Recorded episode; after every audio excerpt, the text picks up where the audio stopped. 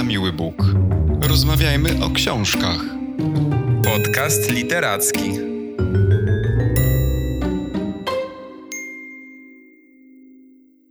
Witamy wszystkich w drugim odcinku naszego podcastu na miły Bóg.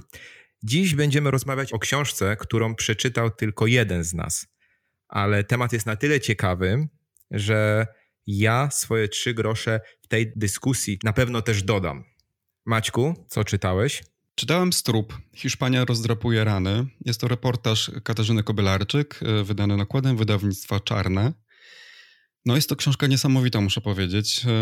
Niesamowity jest ten temat. Ta książka zainteresowała mnie z dwóch powodów. E, pierwszy jest taki, że to jest reportaż, który w tym roku otrzymał nagrodę imieniem Ryszarda Kapuścińskiego za reportaż literacki. No a drugi powód jest taki, że obecnie mieszkam w Barcelonie i książka opowiada e, o ofiarach hiszpańskiej wojny domowej i o ich ciałach, a właściwie już teraz kościach, rozrzuconych po całym kraju. Muszę przyznać, że wojna domowa w Hiszpanii to jest taki temat, e, który znam właściwie wyłącznie z kina. E, nigdy nie czytałem literatury na ten temat. Przedstawiłeś nam twórczynię tej książki i jest ona Polką. Powiedz mi, jaki ona ma związek z Hiszpanią? Dlaczego podjęła się właśnie pisania o wojnie domowej w Hiszpanii? Wiesz co, z tego co wiem, Katarzyna Kobylarczyk mieszkała bodajże 3 lata w Hiszpanii i jeździła za hiszpańskimi fiestami i w wyniku tych podróży powstała książka która została wydana wcześniej e, pod tytułem Pył z Landrynek i ona właśnie opowiada o hiszpańskich fiestach. Słuchałem wywiadu e, z autorką i ona opowiadała o tym, że wyjechała do Hiszpanii po tym, jak usłyszała o tych ekshumacjach, e, bo to właśnie E, o tym opowiada ta książka, właściwie o ekshumacjach, które e, po zakończeniu reżimu generała Franco rozpoczęły się w Hiszpanii. I ona wyjechała do Hiszpanii po to, aby napisać na ten temat e, jakiś artykuł, który mogłaby po prostu potem sprzedać w jakimś magazynie w Polsce. Natomiast zebrała tyle materiału i miała tyle pytań, że postanowiła napisać e, reportaż w formie e, książki i co ciekawe, pisała tę książkę 10 lat, więc to jest jakby dowód na to, jak wielki jest to materiał, jak kolosalną pracę autorka musiała wykonać. Hiszpańska wojna domowa e, rozegrała się w latach 1936-39. E, zakończyła się wraz z rozpoczęciem e, właściwie II wojny światowej. No, no, i to jest taka wojna, która e, toczyła się pomiędzy nacjonalistami dowodzonymi przez generała Francisco Franco, a republikanami, którzy byli związani z ruchem komunistycznym.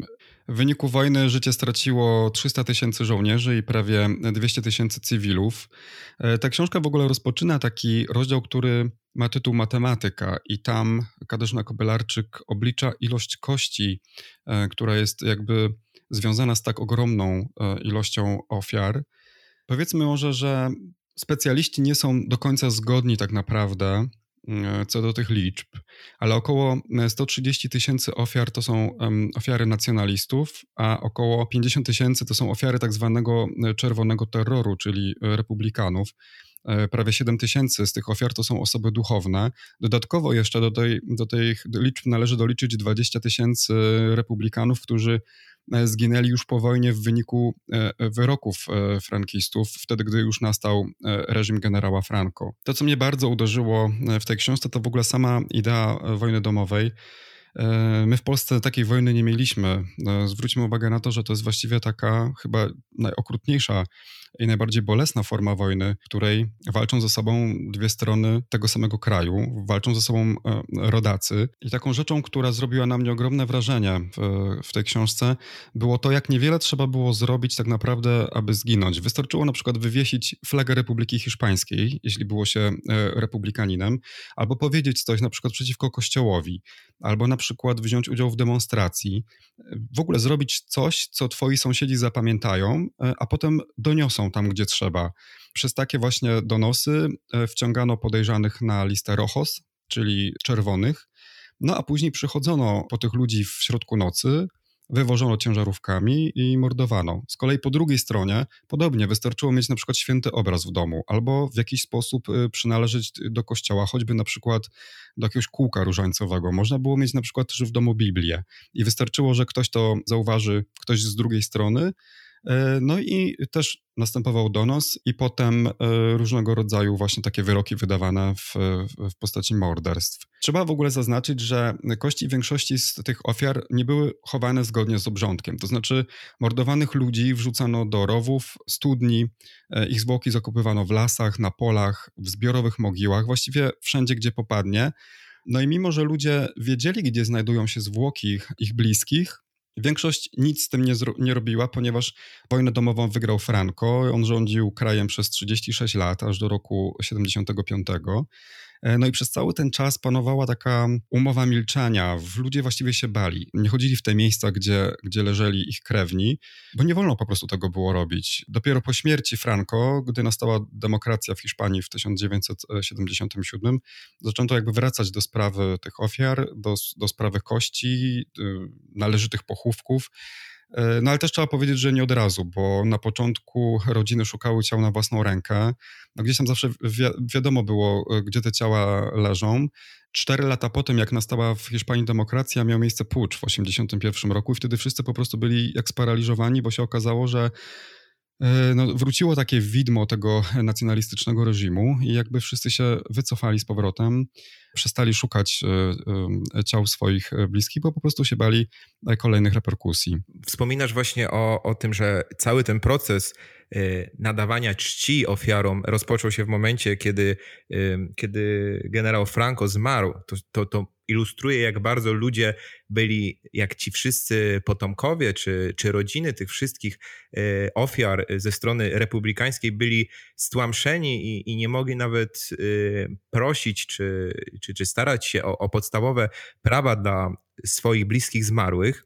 I dopiero ta śmierć przyniosła taką odwilż i, i wreszcie te osoby spragnione takiego e, normalnego Y, z odpowiednią formą pochówku mogą jakby to zrealizować, y, ale warto jeszcze zauważyć to, że sam generał Franco nie zapomniał o wszystkich zmarłych w trakcie wojny domowej, ponieważ dla swoich, y, jakby dla zmarłych ze swojej strony, czyli dla wszystkich nacjonalistycznych wojowników, żołnierzy, stworzył takie miejsce, które, które nazywa się Dolina Poległych. I to miejsce otoczone jest pewnego rodzaju tajemnicą, ono wygląda bardzo monumentalnie, enigmatycznie. Czy coś w tej książce możemy przeczytać na temat tego miejsca? Tak, tam jest cały rozdział i to jest w ogóle też jeden, e, to jest właściwie cała część książki o tej Dolinie Poległych i to jest jedna z najbardziej interesujących części. Ale zanim tylko do tego przejdę, bardzo ważne jest o tym, aby pamiętać, że e, po zakończeniu ery Franco, po jego śmierci, Hiszpania się umówiła, że nie będzie wracała do przeszłości. To znaczy w imię budowania zjednoczonego, demokratycznego kraju i jego przyszłości uznano, że nie ma co rozdrapywać ran.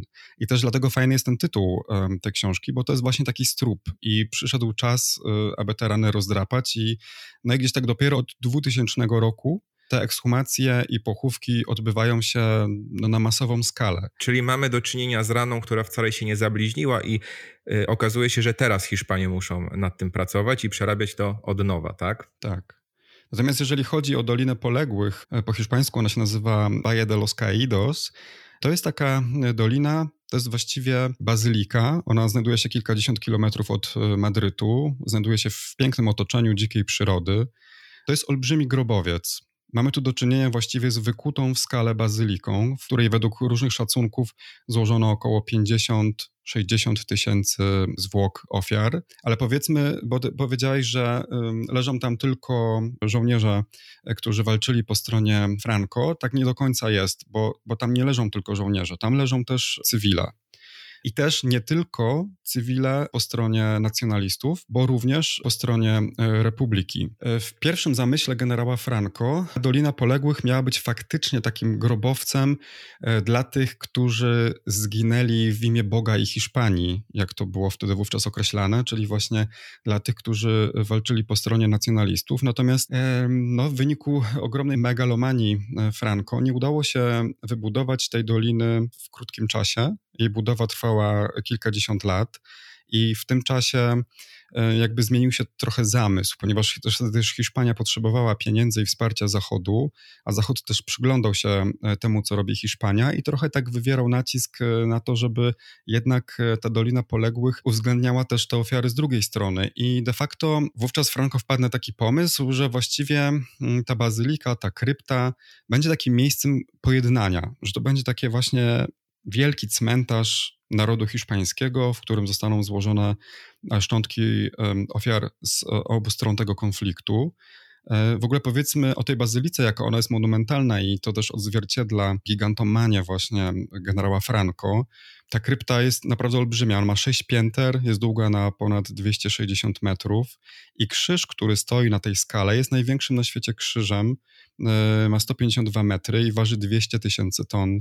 Warto też zauważyć, że w ogóle bardzo długo Franco nie mógł e, znaleźć projektu, który by odpowiadał jego ambicjom.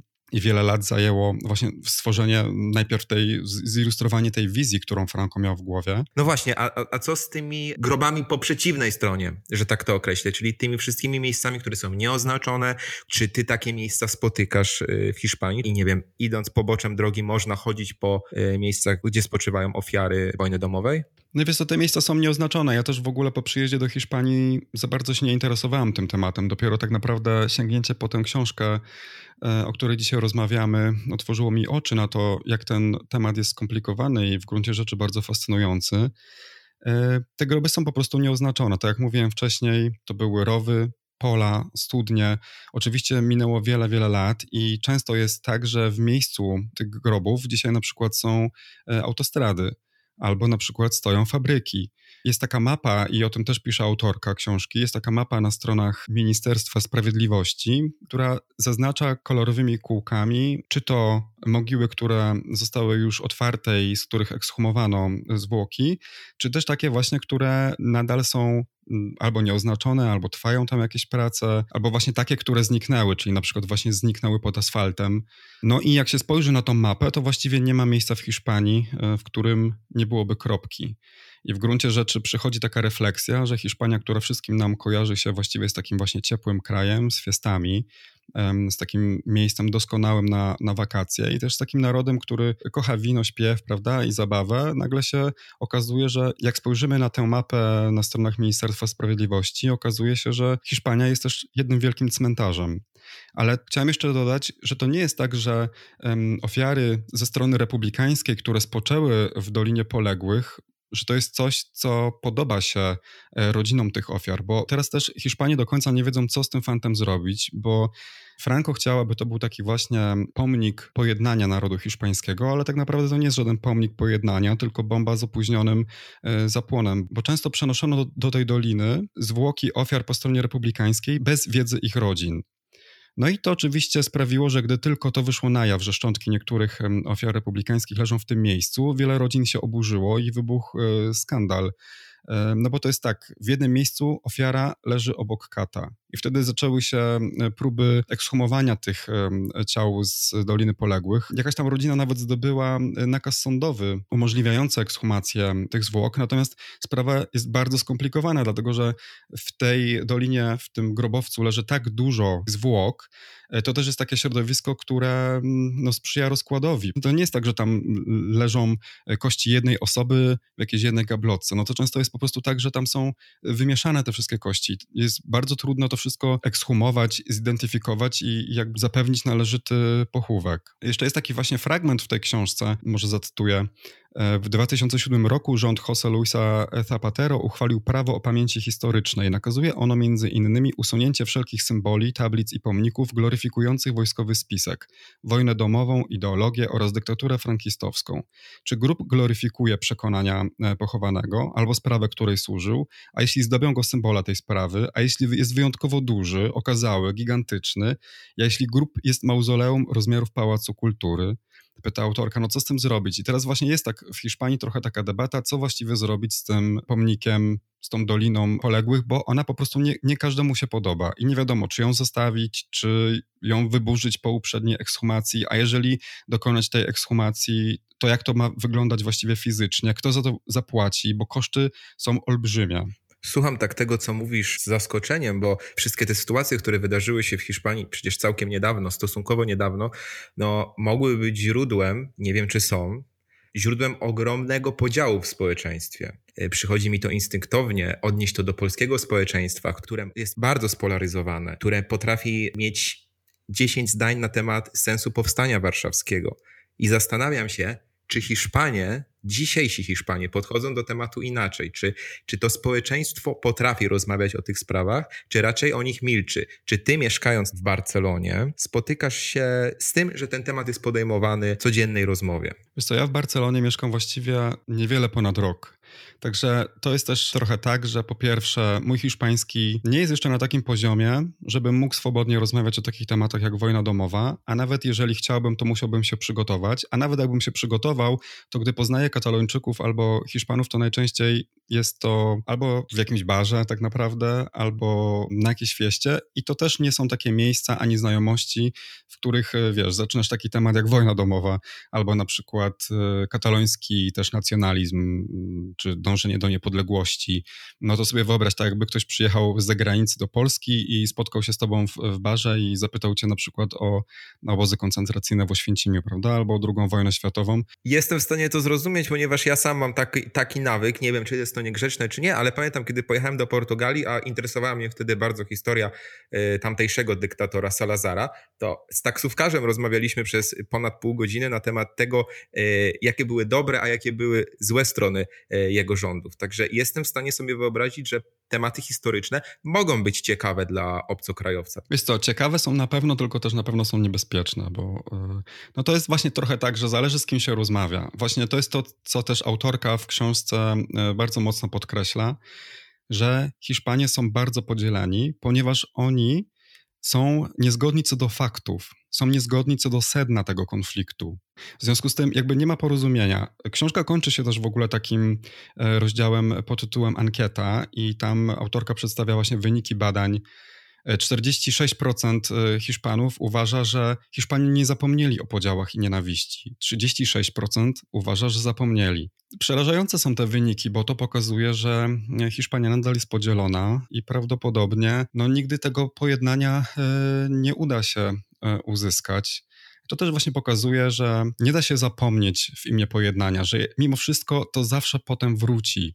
Tak jak ty powiedziałeś wcześniej, te rany się nie zabliźniają, one ewentualnie mogą się pokryć takim strupem, ale wcześniej czy później ten strup e, trzeba będzie zdrapać i, no i rozprawić się z, z, z przeszłością. Nie wyobrażam sobie, tego, jak mielibyśmy poradzić sobie my jako Polacy z tematem tak bardzo złożonym i tak bardzo skrajnym, ale zastanawiam się właśnie, czy Hiszpanie na co dzień potrafią jakby ze sobą rozmawiać, bo jak, jak wiemy w Polsce jest z tym problem. Myślę, że potrafią rozmawiać, no ale też to, to jest to, o czym mówiłem wcześniej, jest e, strasznie duży rozłam i to też widać w, w partiach, które obecnie są w hiszpańskim Sejmie.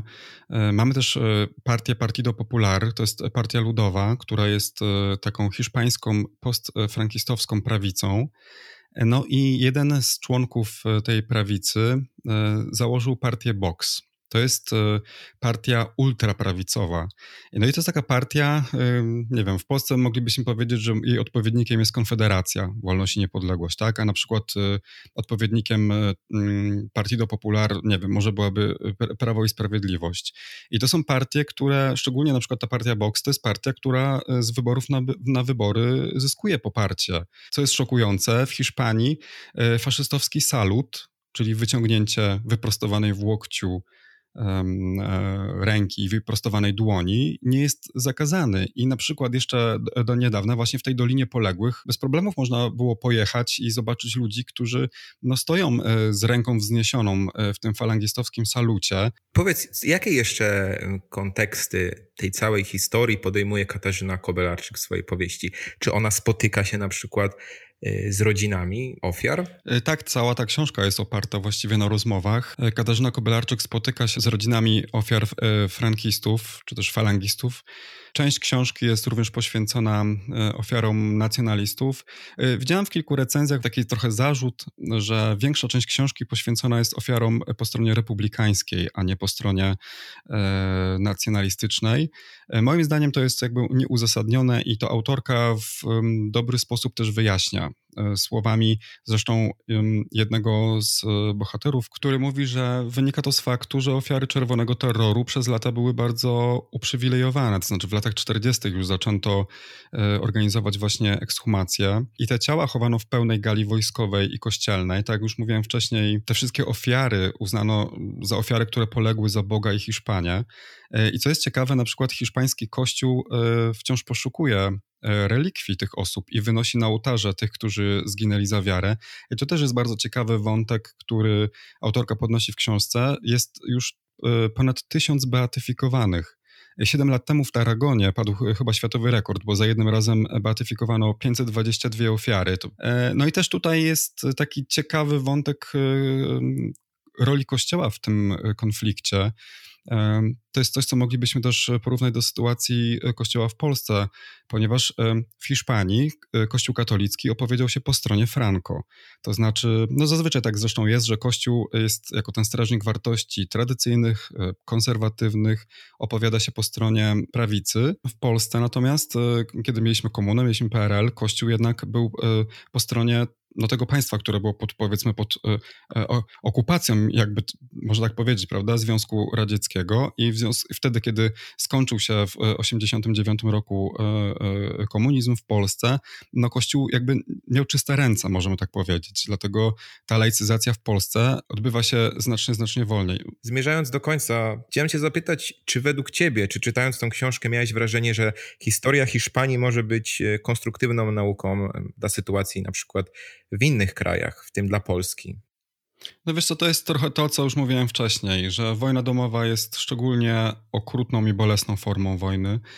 Jasne, po, powinniśmy odczytywać tę książkę również takim polskim kluczem, to znaczy po prostu próbować nie doprowadzać do takiej polaryzacji e, społeczeństwa. Mm, no cóż, no mieliśmy szczęście w Polsce i wciąż mamy szczęście i, i powinniśmy zrobić wszystko, aby to szczęście zachować jak najdłużej no, aby dwie strony, które, którym tak trudno jest się porozumieć, e, nie poszły ze sobą na noże.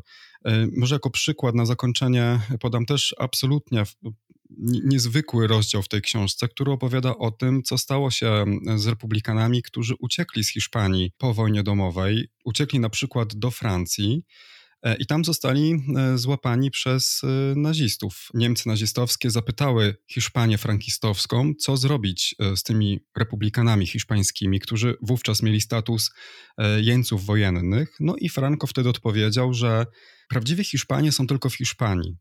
Hiszpanie, którzy są poza granicami Hiszpanii, nie są Hiszpanami. W związku z tym Hiszpania ich nie chce. Niemcy mogą zrobić z nimi co tylko chcą. No i Niemcy um, umieścili ich w obozach koncentracyjnych, między innymi w obozie Mauthausen. No i to jest absolutnie uderzająca sytuacja, w której twój kraj, twoich rodaków skazuje na, na śmierć i to jeszcze oczywiście śmierć okrutną. To tym smutnym kontekstem y, zakończymy nasz dzisiejszy odcinek podcastu Na Miły Bóg. Ja Ci bardzo dziękuję za to, że opowiedziałeś nam o książce, którą przeczytałeś. Dziękujemy Wam wszystkim za to, że słuchaliście naszego podcastu. Zapraszamy na kolejny odcinek już za tydzień. Do usłyszenia. Do usłyszenia. Na miły Bóg. Rozmawiajmy o książkach. Podcast literacki.